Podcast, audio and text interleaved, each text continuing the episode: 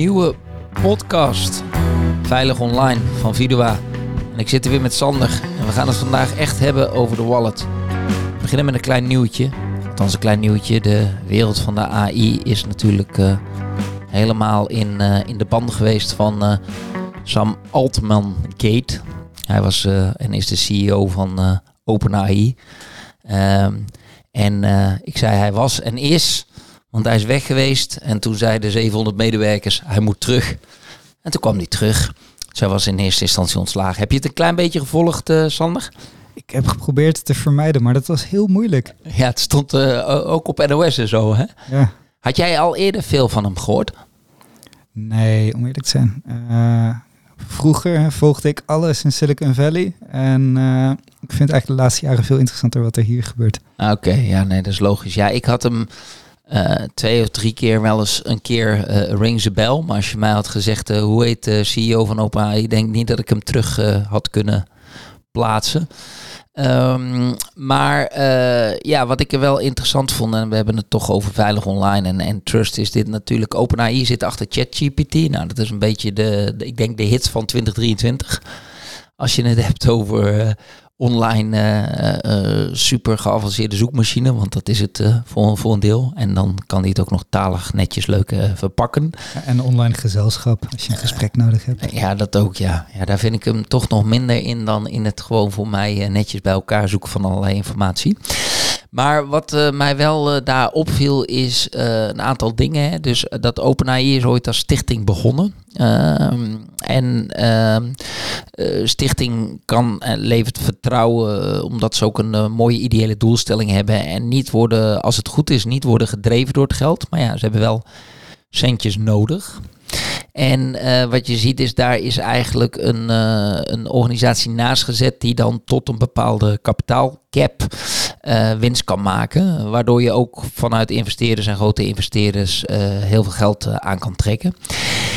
Nou, wat ik begreep uit de nieuwsgaring is dat er speculaties zijn dat uh, meneer Altman vooral vanuit een commerciële pet uh, bezig is geweest om, om eigen chips te gaan maken. Wat vooral goed is voor de profitkant. en ook devices richting AI. Dus dat hij daar geld voor op wilde halen. Dat waren losse ventures. En dat hij eigenlijk daar te commercieel geopereerd heeft naar de zin van het, van het bestuur. En dat waren de speculaties die ik er zo in de stukken die ik af en toe langs gekomen kon vinden. Maar ja, dat, dat roept natuurlijk wel wat. Als je het hebt over vertrouwen. Um, ja, roept dat natuurlijk wel vragen op. En ook uh, een bepaalde spanning die daar zit. Um, die chips, dat viel mij ook wel op. Uh, hij wil daar concurreren met Nvidia. Dat zijn grafische chips. Kun jij uitleggen waarom de grafische chips in één keer zo hip zijn geworden?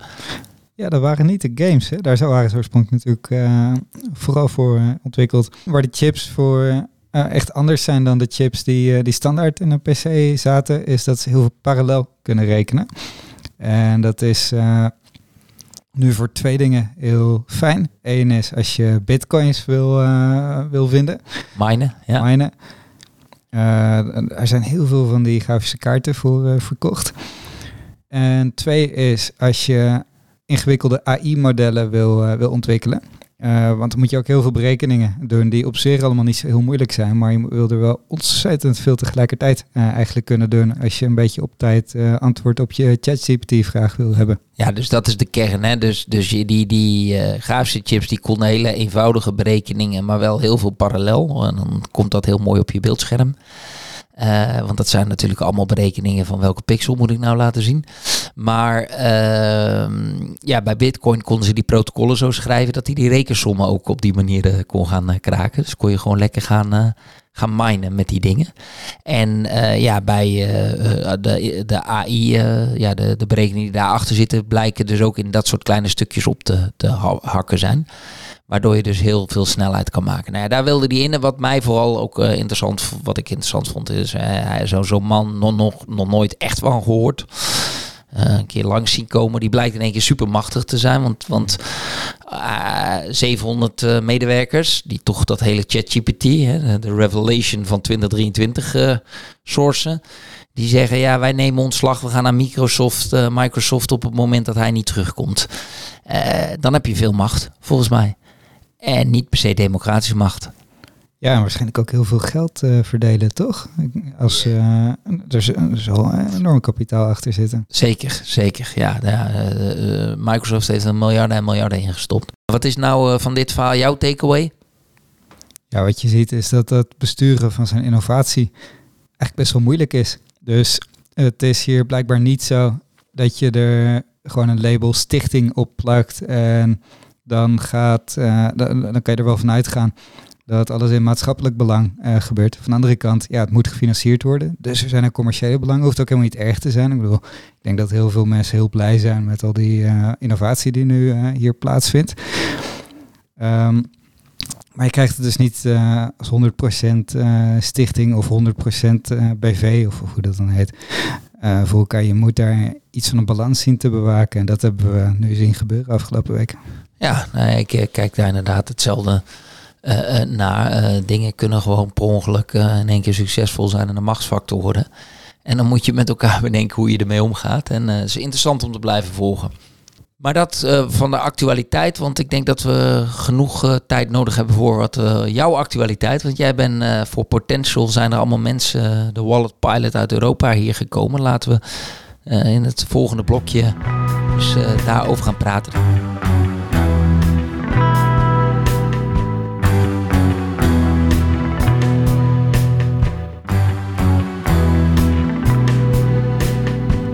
Goed, de wallet. Uh, Sander, Potential, wat is het?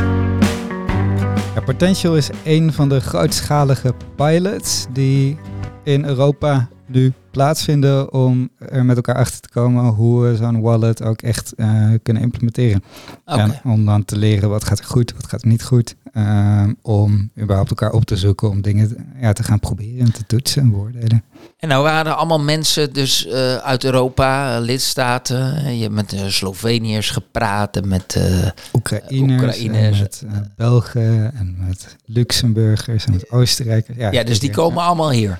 Die komen allemaal hier in Amsterdam, ja. En zijn dat dan allemaal, uh, dat zijn in, in grote mate uh, beleidsmedewerkers of uitvoerende medewerkers, maar ook walletbouwers die aangesteld zijn door Europa? Walletbouwers, vertrouwensdienstverleners, uh, heel veel consultants ook natuurlijk, die al die partijen moeten helpen.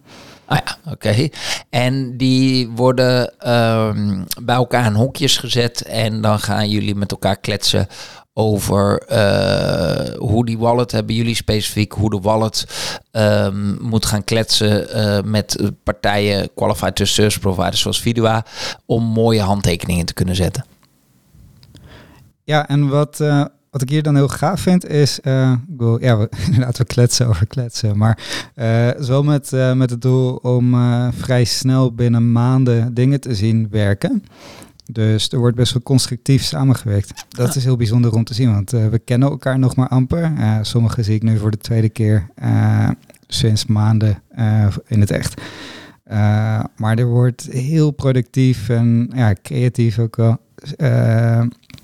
samengewerkt aan ja, hoe, hoe krijgen we die wallet goed voor elkaar. En waarom ben jij uitverkoren om tussen al die mensen te zitten? Buiten dat je er heel veel verstand van hebt. Uh, we mogen namens een uh, publiek-private samenwerking in Nederland zorgen dat alle kennis die we hebben opgedaan over gekwalificeerde handtekeningen en ook alle belangen die daarin spelen, dat we dat kunnen inbrengen hier in deze samenwerking. Dus ehm, die samenwerking heet TIP, Trusted Information Partners. Maar dat zijn dus uh, uh, partijen als de Belastingdienst, ING, uh, NVM. Ja, ook ministerie Binnenlandse Zaken ja, andere. Ja. Die, die, die werken daar allemaal in, in, in mee. En jij bent eigenlijk namens dat, weer namens dat TIP gebeuren, pak jij alle belangen mee die we daar geïdentificeerd hebben in, in die in die uh, overleggen uh, en, en in die realisatie van die, van die proof of concepts. Ja, precies. En uh, nou ja, ik schakel daar dan met de architecten en de anderen van, van TIP. maar dus ook met de andere QTSP's in deze pilot, maar ook met de andere lidstaten. De, dus de beleidsmakers of de mensen die zo'n wallet moeten implementeren of die toezicht moeten organiseren. En het onderwerp waar wij concreet mee bezig zijn is, je hebt dus straks zo'n wallet. Althans, die, die kan je dan krijgen van, van je overheid of misschien van een van de dienstverleners die zijn overheid heeft aangewezen. En wat er nu in de nieuwe EIDAS-verordening komt, is het recht om te ondertekenen vanuit die wallet als burger. En dan moet er dus een, een, een koppeling gelegd worden met een gekwalificeerd certificaat onder EIDAS. En wij geven die dingen uit. En wij moeten dus zorgen dat die koppelingen op een, uh, nou ja, dat, dat wij daar ook op kunnen vertrouwen als QTSP. Hè? Dus dat Ja. als er een wallet bij ons zegt, hey, mogen we iets met zo'n certificaat, dat dat dan ook, eh, dat we daarop kunnen vertrouwen. En aan de andere kant eh, moet je ook zorgen dat het een beetje interoperabel kan. Hè? Dus dat je niet eh, straks één QTSP krijgt die daar heel Europa bedient. Ja, dus dat is, eh, dat is een super interessante verandering nu. De, eh, nou ja, wij als QTSP zijn gewend dat we eh, alles end-to-end in de technische stack kunnen beheersen. Dus dat wij jou als gebruiker een app kunnen geven en dat we alle dienstverlening erachter kunnen leveren. Nu is de gedachte met die wallet dat dat verschillende verantwoordelijkheden kunnen zijn. Dus dat eh, onze vertrouwensdiensten misschien wel via een overheidswallet of een wallet van een andere dienstverlener eh, beschikbaar komen. Ja, dan moet je het gaan hebben over hoe, eh, hoe maak je dat veilig genoeg? Hoe zorg je dat die gebruiker het nog snapt en eh, eh, kan gebruiken ook? Hoe zorg je dat het op verschillende eh, telefoons goed kan werken? Eh, dus er komen allerlei uitdagingen. En ook, eh, nou ja, aan de ene kant moeten daar nog wetten voor worden opgesteld. Dus de wetgever is heel benieuwd wat we nu ontdekken. Aan de andere kant moet er heel veel worden ontwikkeld en uitgeprobeerd. Dat gaan we allemaal doen komende maanden. Oké, cool. Cool. Ehm, en ja, ik heb eigenlijk een aantal, ehm, een aantal architectuurvragen. Oh, dat klinkt heel moeilijk, maar eh, eh, volgens mij kan ik ze ook redelijk makkelijk duiden. Die ik heel veel terug hoor komen rond die wallet. Zullen we het daar zo eventjes over hebben? Oh, graag. Ja, dat lijkt mij echt iets bij uitstek wat jij leuk vindt.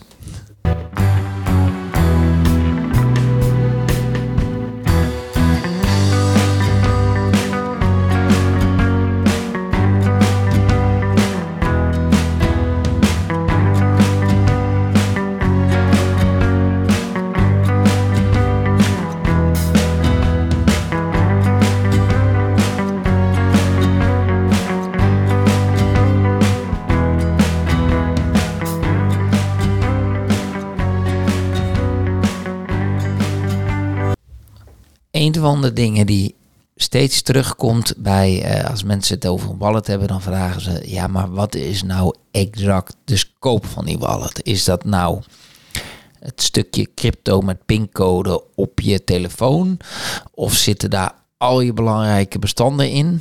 Eh, doe je alles dan op je telefoon in die wallet? Eh, of heb je nog een, een, een connectie met een, een wereld online of in de cloud? Sander, hoe zit het nou? Ja, dan moet ik weer hetzelfde antwoord geven als in het begin. Het antwoord is ja. Het, eh, nou ja, hier eh, moet het allemaal met elkaar gaan ontdekken. Dus eh, wat wettelijk gaat worden vastgesteld, is een aantal dingen die die wallet in ieder geval moet kunnen. En ehm, ja, voor sommige partijen is dat eigenlijk al heel veel en heel zwaar. Ik vind het nog best wel bescheiden wat die wallet allemaal minimaal moet kunnen. Dus je moet kunnen ondertekenen, je moet kunnen zien wat je dan hebt ondertekend. Maar staat niet per se dat je dan dat document ook moet kunnen lezen. eh, helemaal. Je moet in ieder geval zien eh, dat je dat document een keertje hebt getekend. Eh, je moet attributen kunnen aantonen. eh, maar eh, ja, er staan een aantal gedefinieerd, maar er staat niet wat je allemaal komende jaren uit welke databases allemaal zou moeten kunnen aantonen. Dus heel Wa- veel wordt wat is nog- een attribuut? Dat is een filosofische vraag. ja, maar Nee, even... ja, nou, hoe oud ben ik? Wat is mijn achternaam? Hoe zie ik eruit? Waar woon ik? Oké, dus dat zijn allemaal kleine dingen. En, ehm, eh, want ik zeg kleine dingen, dat zijn allemaal kleine attributen. Ehm, is het nou heel verstandig, eh, wat ik wel eens zie, eh, en het antwoord is voor mij nee, hè, dat hoor je al aan de leidende vraag, maar je hoort ook wel eens dat mensen zeggen, ja, dan staat ook echt alles op jouw telefoon en ook niet buiten jouw telefoon, hè, dus niet gebackupt of zo, van je contracten en allemaal dat soort zaken. Ja, dat lijkt mij niet handig. Hoe zie jij dat? Ja, dat hangt van je telefoon af. Nee, ik ken niemand eigenlijk die, eh, die dat eh, verantwoord zou kunnen doen. Ik denk, eh, ik wil je telefoon, ja, die kan je kwijtraken. Die kan een stuk gaan. Dat kan, uh, die heeft ook maar een klein schijfje uiteindelijk als je daar uh, alles over je hele leven zou willen bewaren. Ja, to en, en, toch is het hè, be your own bank, hè, want het gaat hier over de bank van je gegevens. Dat is vanuit Bitcoin toch een tijdje het idee geweest. Hè? Van uh, je gaat zelf uh, op jouw hardware ga jij uh, je, je bitcoins zeggen, zetten. Ja, en voor sommige mensen nog steeds. En ik vind dat heel, heel spannend. Ja, want het, wat het effect is, dat op het moment, hè, er zijn mensen die dan zo heel veel geld aan bitcoins hadden, maar gewoon een paswoord kwijt waren en er nooit meer bij kunnen.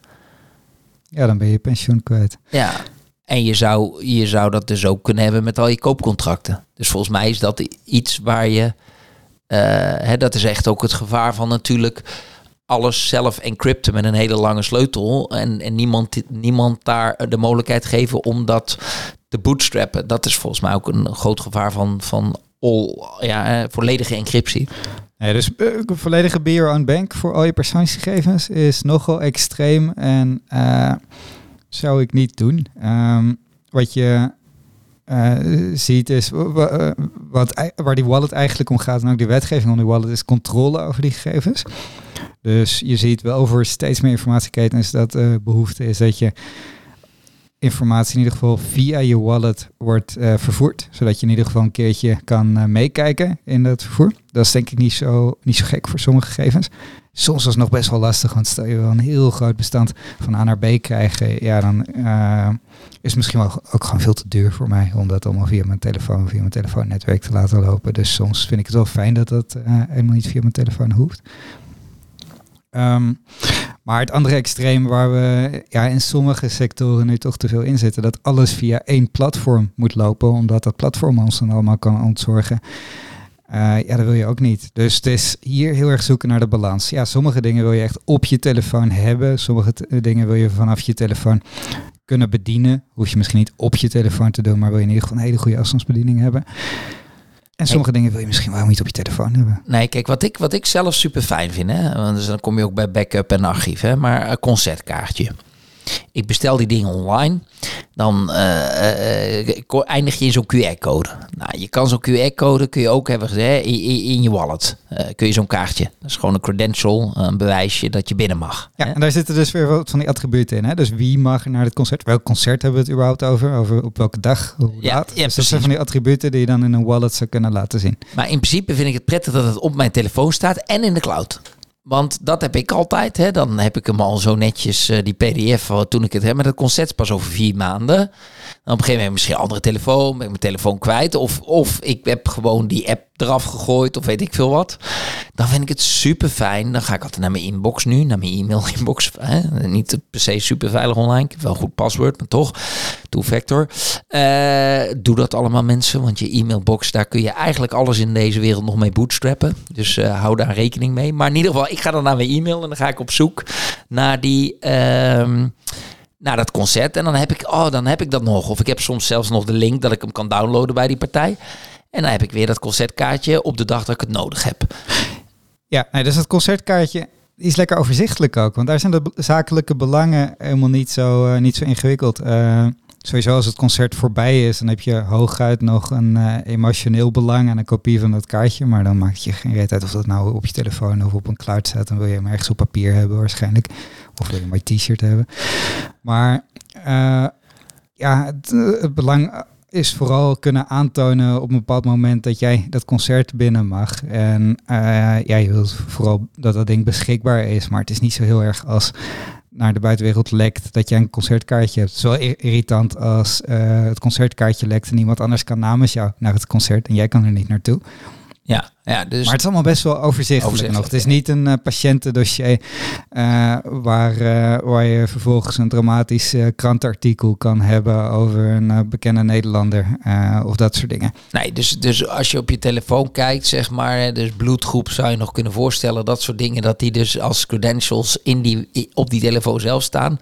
Zodra je in, in, in grote dossiers en dat soort dingen komen, wordt ook die noodzaak, want dan is het ook niet meer een kwestie van een scan doen. Uh, hè, want dat is het mooie van als het op je telefoon staat en hij is offline, dat je dan toch met die telefoon even belangrijke info met hoge mate van zekerheid, hè, of betrekkelijk hoge mate van zekerheid, kan aantonen bij, uh, bij iemand. Uh, ga je naar van die grotere dossiers, koopcontracten, allemaal dat soort dingen. Dan is het echt de vraag van wat is daar nut om dat paraat in een chip op je telefoon te hebben. Ja, die wil je vaak ook helemaal niet op je telefoon lezen. Of meezeulen. Of meezeulen. Ja, ja. kwijtraken. En, uh. Okay. Liever leuke spelletjes op mijn telefoon. Dus hybride kan ik dan ook zien dat die wallet in ieder geval een soort afstandsbediensfunctie gaat, gaat uh, uh, maar waarmee jij dus, dus kan handelen, maar waarmee je ook die toegang naar bepaalde belangrijke bestanden kan regelen? Ja, nou dat, dat is een heel belangrijk doel eigenlijk voor die wallet. En een ander belangrijk doel is dat je voor sommige attributen die je bijvoorbeeld vaak nodig hebt, of die gewoon heel gemakkelijk zijn in het zakelijk verkeer, dus bijvoorbeeld je rijbewijs even laten zien, uh, dat je dat uh, straks digitaal kan. Dat het niet meer zo erg is als je je pasje een keer niet mee hebt. Ja, nee, dus dat lijkt mij inderdaad heel zinnig. En dat kan dan ook als die offline is. Uh, Oké, okay, uh, helder. Dan komt altijd uh, de volgende architectuurvraag van, nou moet dan die wallet helemaal open source worden? En wat is daar nou het mooie van? Uh, Moeten we open source nog uitleggen voor de luisteraar? ja, leg maar in ieder geval uit dat open source bestaat en freeware. En dat die twee niet altijd met elkaar te maken hebben. Nee, precies. Dus je hebt ehm, gratis als uh, een gratis biertje dat iemand je kan geven. Je hebt gratis als de vrijheid die je hebt als je deze software hebt om daar meer mee te doen dan uh, alleen maar consumeren. Ja, en open source gaat vooral over dat tweede en kan ook het eerste. Bels. Kan ook het eerste beeld, ja zeker. Ja, en, ja. en het tweede is dus dat je kan zien hoe die code eruit ziet en dat je ook onder bepaalde licenties uh, daar aanvullingen op mag doen. Ja, aanvullingen op mag doen of bijvoorbeeld uh, een eigen bedrijf omheen kan oprichten. Dus dan kan je op basis van de broncode die iemand anders openbaar heeft gemaakt zelf zaken gaan doen. Of je kan het gebruiken inderdaad dus om te, verbeteringen voor jezelf te maken als gebruiker.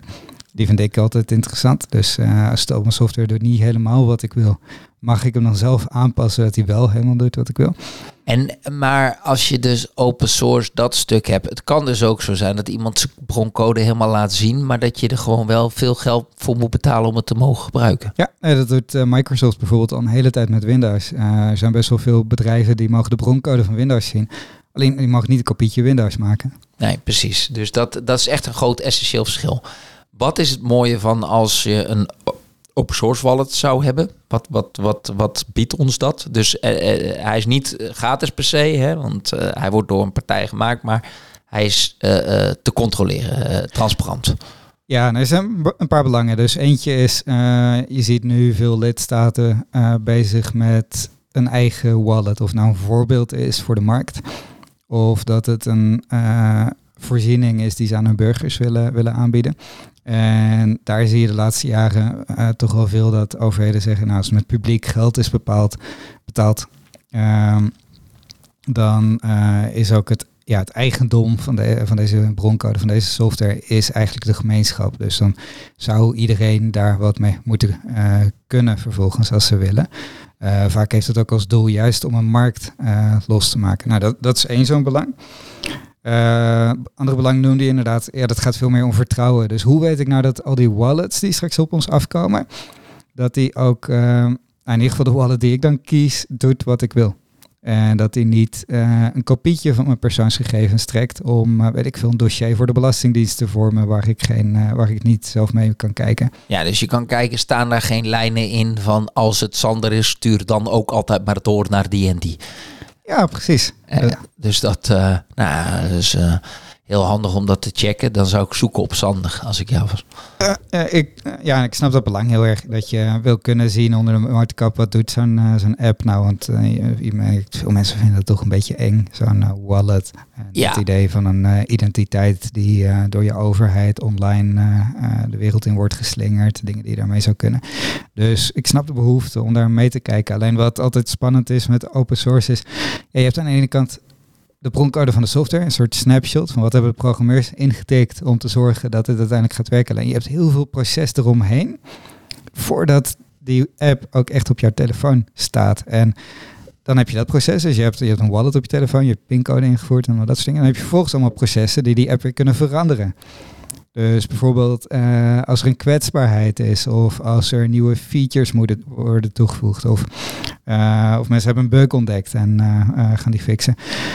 Ja, dan heb je ook een proces dat weer een nieuwe versie van die app uh, erop zet. En dus, dus je zegt er moet een update komen. Er staat een, een lijn code in uh, die onwenselijk is. Want daar kunnen uh, attackers gebruik van maken. Die lijn code die moet dus veranderd worden. Dan heb jij een nieuwe versie nodig van die app. En jij zegt er is een proces nodig om, om die nieuwe versie er weer tegen aan te zetten en een update te draaien. Ja, nee, precies. En dat is een nogal gevoelig proces, want stel uh, je hebt de ene snapshot van de open source uh, wallet app, die heb je helemaal gelezen van A tot Z. Dat is vaak heel veel code, dus ik zou het je niet aanraden, maar stel daar hebben heel veel experts en journalisten naar gekeken en die vinden het goed.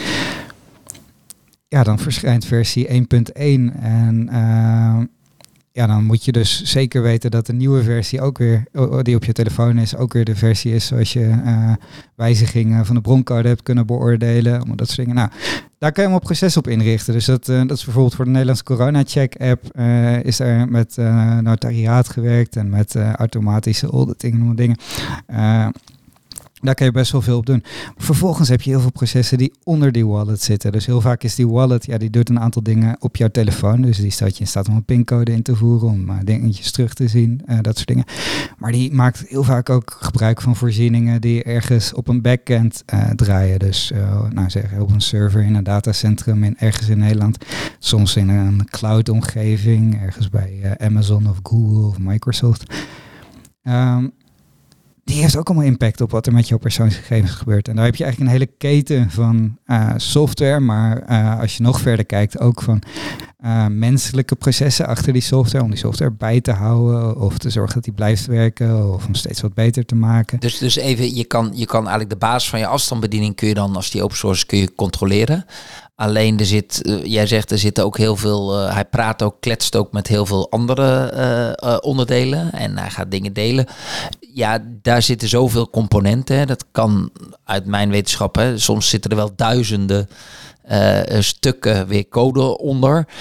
Ja, die kun je als, ik denk dat je het als persoon niet eens meer zou kunnen, toch? Om het allemaal te, te nee, als het allemaal ja. open source is, om het allemaal zelf te controleren. Ja, nou ja, en ook dat betekent weer niet dat je moet zeggen, nou dan heeft het allemaal geen zin, dan gaan we niks open sourcen.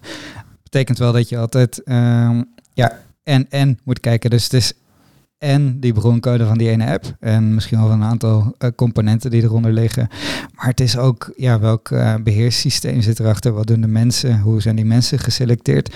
Hoe wordt daar toezicht op gehouden? En nou ja, dan heb je om die transparantie te krijgen en dus te kunnen vertrouwen in zo'n nieuw systeem, in zo'n nieuwe Europese identiteitswallet, uh, moet je een nogal breed certificeringsschema en toezichtsschema inrichten. En dat is, uh, nou, dat is de uitdaging waar, uh, waar die Europese samenwerking nu komende jaren tegen, tegenaan kijkt. Ja, want dat is natuurlijk wel wat er nu gebeurt ook in de trustwereld. Hè. Wij worden heel erg strak geaudit ook, juist op dit soort processen. Even om het toch heel concreet te maken. Um, stel, jij wordt niet gedwongen om een nieuwe wallet te updaten. Uh, dan, um, uh, en er is wel een kwetsbaarheid, dan kan het dus gewoon zijn. Hè? Dus als jij dat, dat zegt, nou doe dat morgen of volgende week, dan kan het zijn dat, dat jij die open source hebt. Uh, maar dat, er, dat, dat je nog steeds met onveilige software rondloopt. Ander punt is, het kan ook zijn dat, dat gewoon er geen nieuwe update beschikbaar komt. Ja, wat moet je dan? En dan heb je die open source wallet waar een kwetsbaarheid in zit. Maar je kan dat als, als gewone burger, kun je dat natuurlijk niet aan gaan passen bedoel, je weet niet hoe dat moet. Nee, en kijk, in heel veel softwareketens is dan open source juist een deel van de oplossing. Dus dan kan je zeggen, eh, als de oorspronkelijke uh, auteur van die software er niet meer is, of uh, de organisatie bestaat niet meer, is failliet, weet ik veel, dan kan je als consument daarvan, uh, nou, of meestal als ander bedrijf, kan je die continuïteit bieden. Kan je toch zelf um, patches maken, zorgen dat je die kwetsbaarheden oplost, dat soort dingen. Zeker ook voor publieke software een enorme uitdaging. Want als die dan ooit is aanbesteed geweest en je wil daar vervolgens updates op maken of je wil, je wil verhelpen, ja, dan moet je in staat zijn om, om die wijzigingen ook met nieuwe leveranciers uh, te maken. Ja, en, en je gaat de burger van, uh, stel er komen vier, vijf patches beschikbaar dat zie je toch ook gewoon bij, bij Linux en zo. Zie je toch ook wel eens gewoon dat er vier, vijf uh, verschillende uh, auteurs of nieuwe mensen met die code een verbetering doorvoeren. Ja, ja maar je kan, dat, je kan dat niet zelf gaan selecteren, toch? Welke je moet pakken. Uh, nee, dat is nogal specialistisch werk. Dus, dat bedoel ik. Ja. nee, dus um, ja, voor, voor die wallet, open source, ja, het wordt deel van de wet. Dus we moeten er iets mee allemaal. Ik vind het uh, als commerciële dienstverlener natuurlijk heel uh, ja, interessant. dat, gaat, het brengt heel veel vragen met zich mee over wat voor bedrijfsmodellen en verdienmodellen daaromheen kunnen ontstaan. Daar zijn natuurlijk ook best wel met Red Hat in het verleden en andere bedrijven heel veel ervaringen mee opgedaan. Ik vind het heel fascinerend, maar de vraag voor nu is vooral, ja, hoe, hoe bieden we die transparantie en die, die veilige online omgeving? Dat, uh, nee, nou ja, dat, dat zit hem op en inderdaad open source, maar ook en certificering, toezicht en zorgen dat we transparantie hebben in wat die wallets daadwerkelijk doen. Ja, want, want onze stelling is wel dat je, je, kan, je kan met een stukje code beter nog lang niet. Dus als je veilige uh, online wallets of als je veilige wallets wil, uh, wil uitleveren, heb je toch altijd, en dat is ook hoe de wet nu opgebouwd is, heb je altijd organisaties nodig die verantwoording af moeten leggen over dat hele spel van voortbrengen, uh, beheersen, uh, controleren en, en ook updaten. en daar ook tegen georderd worden. Hè. Niet alleen maar zeggen van nou hier is mijn code, je kan het controleren, dus het zit wel goed. Ja, ja die software die is er eigenlijk gewoon nu al een paar jaar. Die, en we weten ook wel dat het werkt. Het gaat nu om hoe gaan we die toepassing laten werken en hoe gaan we zorgen dat het allemaal een beetje maatschappelijk verantwoord kan. Top. Goed, dan heb ik zo nog een nog een architectuurvraag voor je. Maar die komt na het, uh, het uh, korte pauze. Een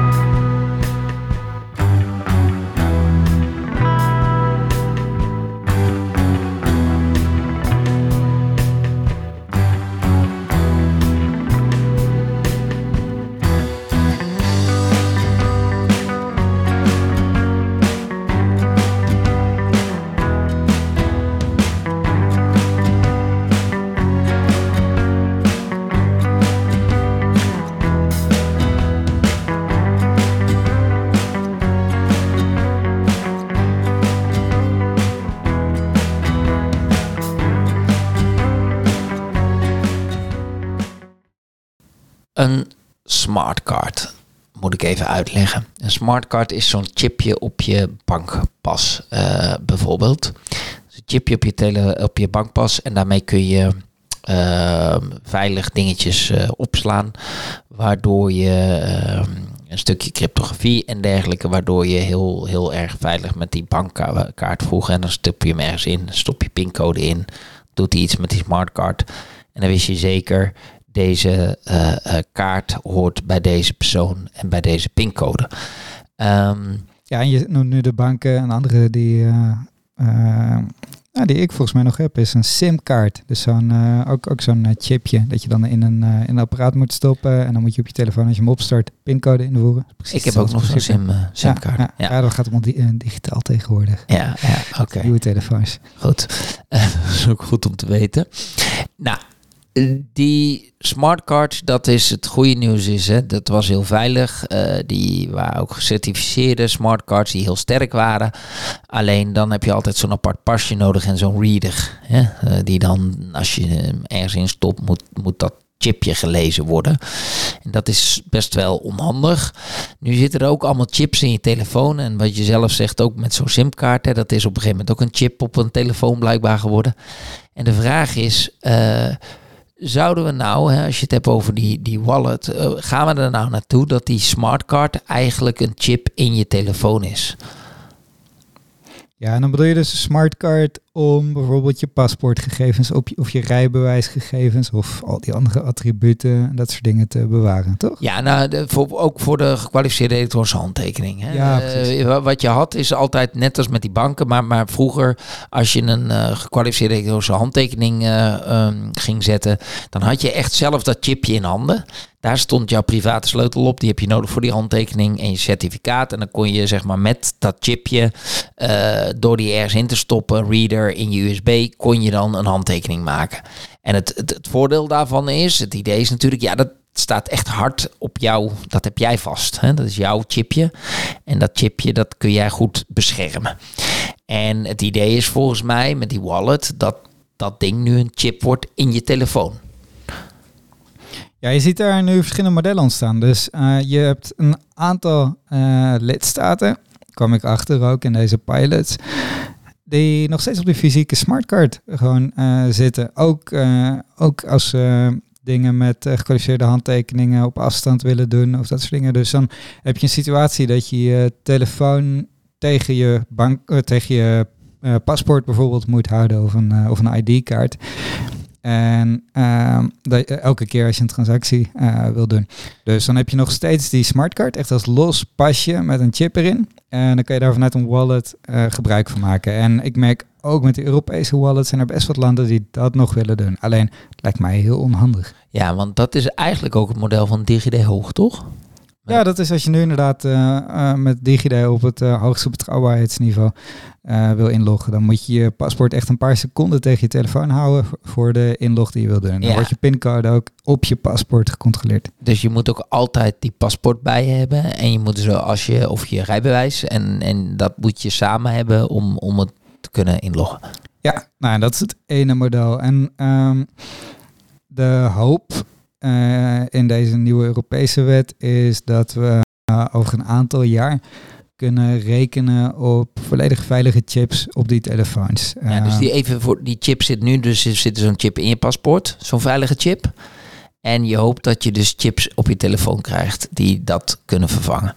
Ja, en uh, nou ja, als je kijkt hoe groot zo'n chip is, dan zou er nog best wel kunnen passen, fysiek. Ja. Dus daar uh, er zijn ook best wel telefoons waar je al zo'n type chip hebt. Vaak nog niet de software op die chip, maar waar je dit, uh, dit spel wel voor elkaar kan krijgen. Alleen je ziet dat uh, duurt echt nog wel even voordat je dat op veel telefoons kan doen. Dus de chips die je nu standaard in een mobiele telefoon hebt, of, of zeker als je een paar jaar geleden een telefoon hebt gekocht, die hebben nog niet het veiligheidsniveau dat uh, bijvoorbeeld de chip in een modern paspoort nu heeft. Ja, dus jij zegt er zitten wel dat soort type chips in telefoons, maar een stuk minder veilig dan wat we eigenlijk zouden vereisen. Ja, en dat betekent uh, dat er in de praktijk heel vaak voor dit soort systemen, en dat heb je ook bijvoorbeeld als je uh, online bankiert of als je uh, in de praktijk nu vanaf je telefoon gekwalificeerde handtekeningen zet, is dat je die chip niet, uh, niet op alle telefoons probeert te zetten. Want nou, die, dat hebben de telefoonleveranciers gewoon nog, niet, nog niet gedaan of zo. Maar dat je gebruik maakt van centrale servers. Dus dan zit de chip bij een dienstverlener. in een HSM heet dat dan, een Hardware Security Module. En dat is vaak uh, vergelijkbare, uh, vergelijkbare technologie, alleen echt bedoeld om centraal als voorziening aan uh, nou, heel veel telefoons bijvoorbeeld aan te kunnen bieden. Ja, dus dan kletst jouw telefoon, maakt een veilige connectie met die HSM. Maar op die HSM staan de echte spannende dingetjes.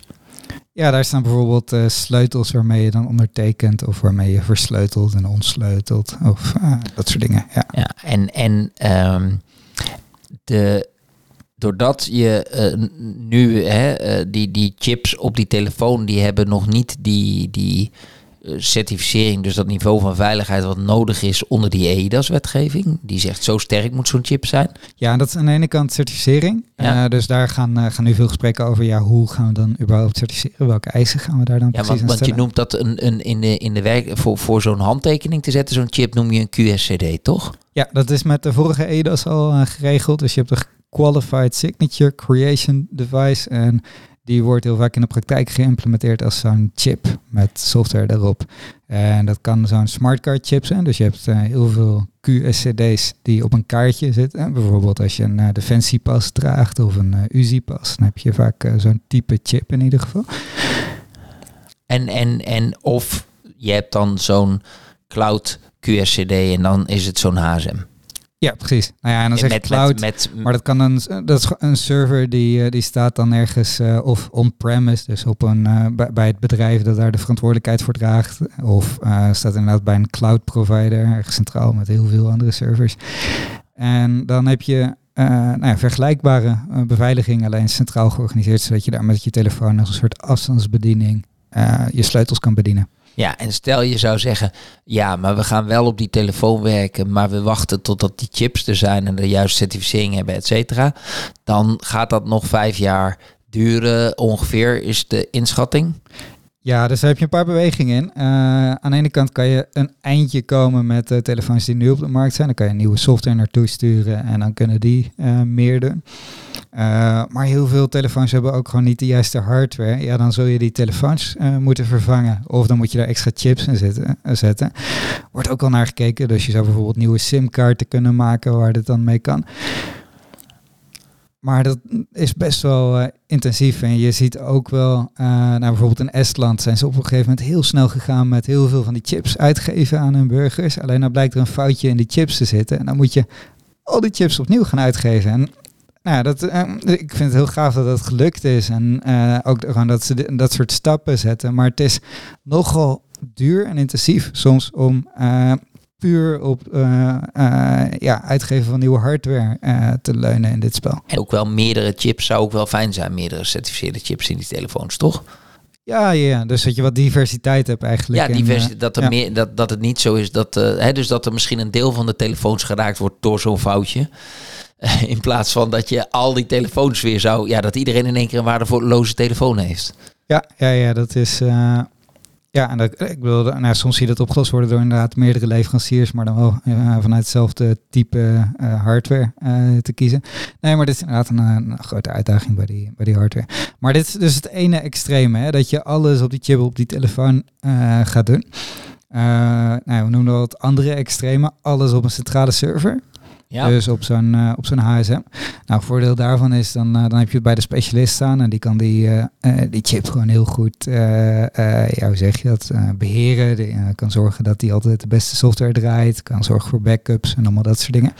Want, want het lukt al wel om met die ander minder veilige chips een veilige verbinding naar zo'n HSM te brengen. Ja, in de praktijk uh, lukt dat nu heel goed. Dus je hebt, uh, ja, dan heb je een soort, ja, wat je zegt, een veilige verbinding tussen de wat minder zware chips op de telefoon en de hele zware chips op de server. En controle van de eindgebruiker daarover. En dat is ook wel een model waar nu vaak naar gekeken wordt hoor. Dus dat je op afstand uh, zo'n zo'n HSM, dus zo'n centrale server, bedient. Ja, want dat is ook wat mensen nu met, met, met ons en met Vidua eh, Wallet doen. Hè? Die maken vanuit die wallet contact en wij leveren die, die HSM, zeg maar. Ja. Uh, en dat is ook het gangbare, schaalbare model vandaag de dag. Wordt in heel veel toepassingen uh, nu gebruikt, inderdaad. Maar wat je nu merkt in die discussies over die wallet is, we gaan dat op veel grotere schaal voor veel meer toepassingen uh, willen doen. Ook, nou, we worden echt, uh, het is de bedoeling dat heel veel mensen straks een wallet kunnen gaan gebruiken voor van alles. En dan is ook de gedachte, ja, hoe, hoe gaan we nou de volgende stap hierin zetten? Gaan we dan, nou ja, dus inderdaad, gaan we wachten op die telefoonchips? Of gaan we alles op die centrale servers zetten? En kunnen die dat nog aan als als daar zo ontzettend veel van maatschappij straks op, uh, draait, wil je, dan inderdaad alles bij die centrale HSM's hebben staan. En er zit ook nog, een zorg uh, dat, dat je ook aan die partijen vraagt, aan mensen, burgers, om veel vertrouwen, ook al is het allemaal gecertificeerd en georderd onder de bestaande schema's, weg te leggen bij zo'n um, bij zo'n uh, leverancier die die HSM's uh, uh, beheert voor jou.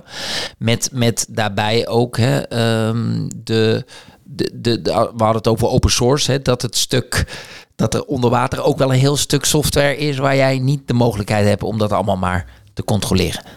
Ja, dus het is eigenlijk een beetje een, een vergelijkbaar probleem. En hier kan je ook weer niet compleet op één technische oplossing of het andere uiterste uh, gaan zitten. Dus waar, uh, ja, waar wij nu uh, naar kijken voor onze wallet is heel concreet zorgen dat je en op de veilige chips van de telefoon, welke dat dan ook zijn, kan leunen. En op die HSN-chips, maar dat niet dat je niet al het vertrouwen bij die centrale HSM uh, eh, neerlegt. En ook niet al het vertrouwen bij die chips op die telefoon. En ook niet al het vertrouwen bij die chips op die dus telefoon. Dus jij zegt, jij zegt de valse tegenstelling is uh, of leg alles maar in handen bij die HSM-beheerder die dat voor jou beheert. Uh, of wachten tot de veilige chips komen.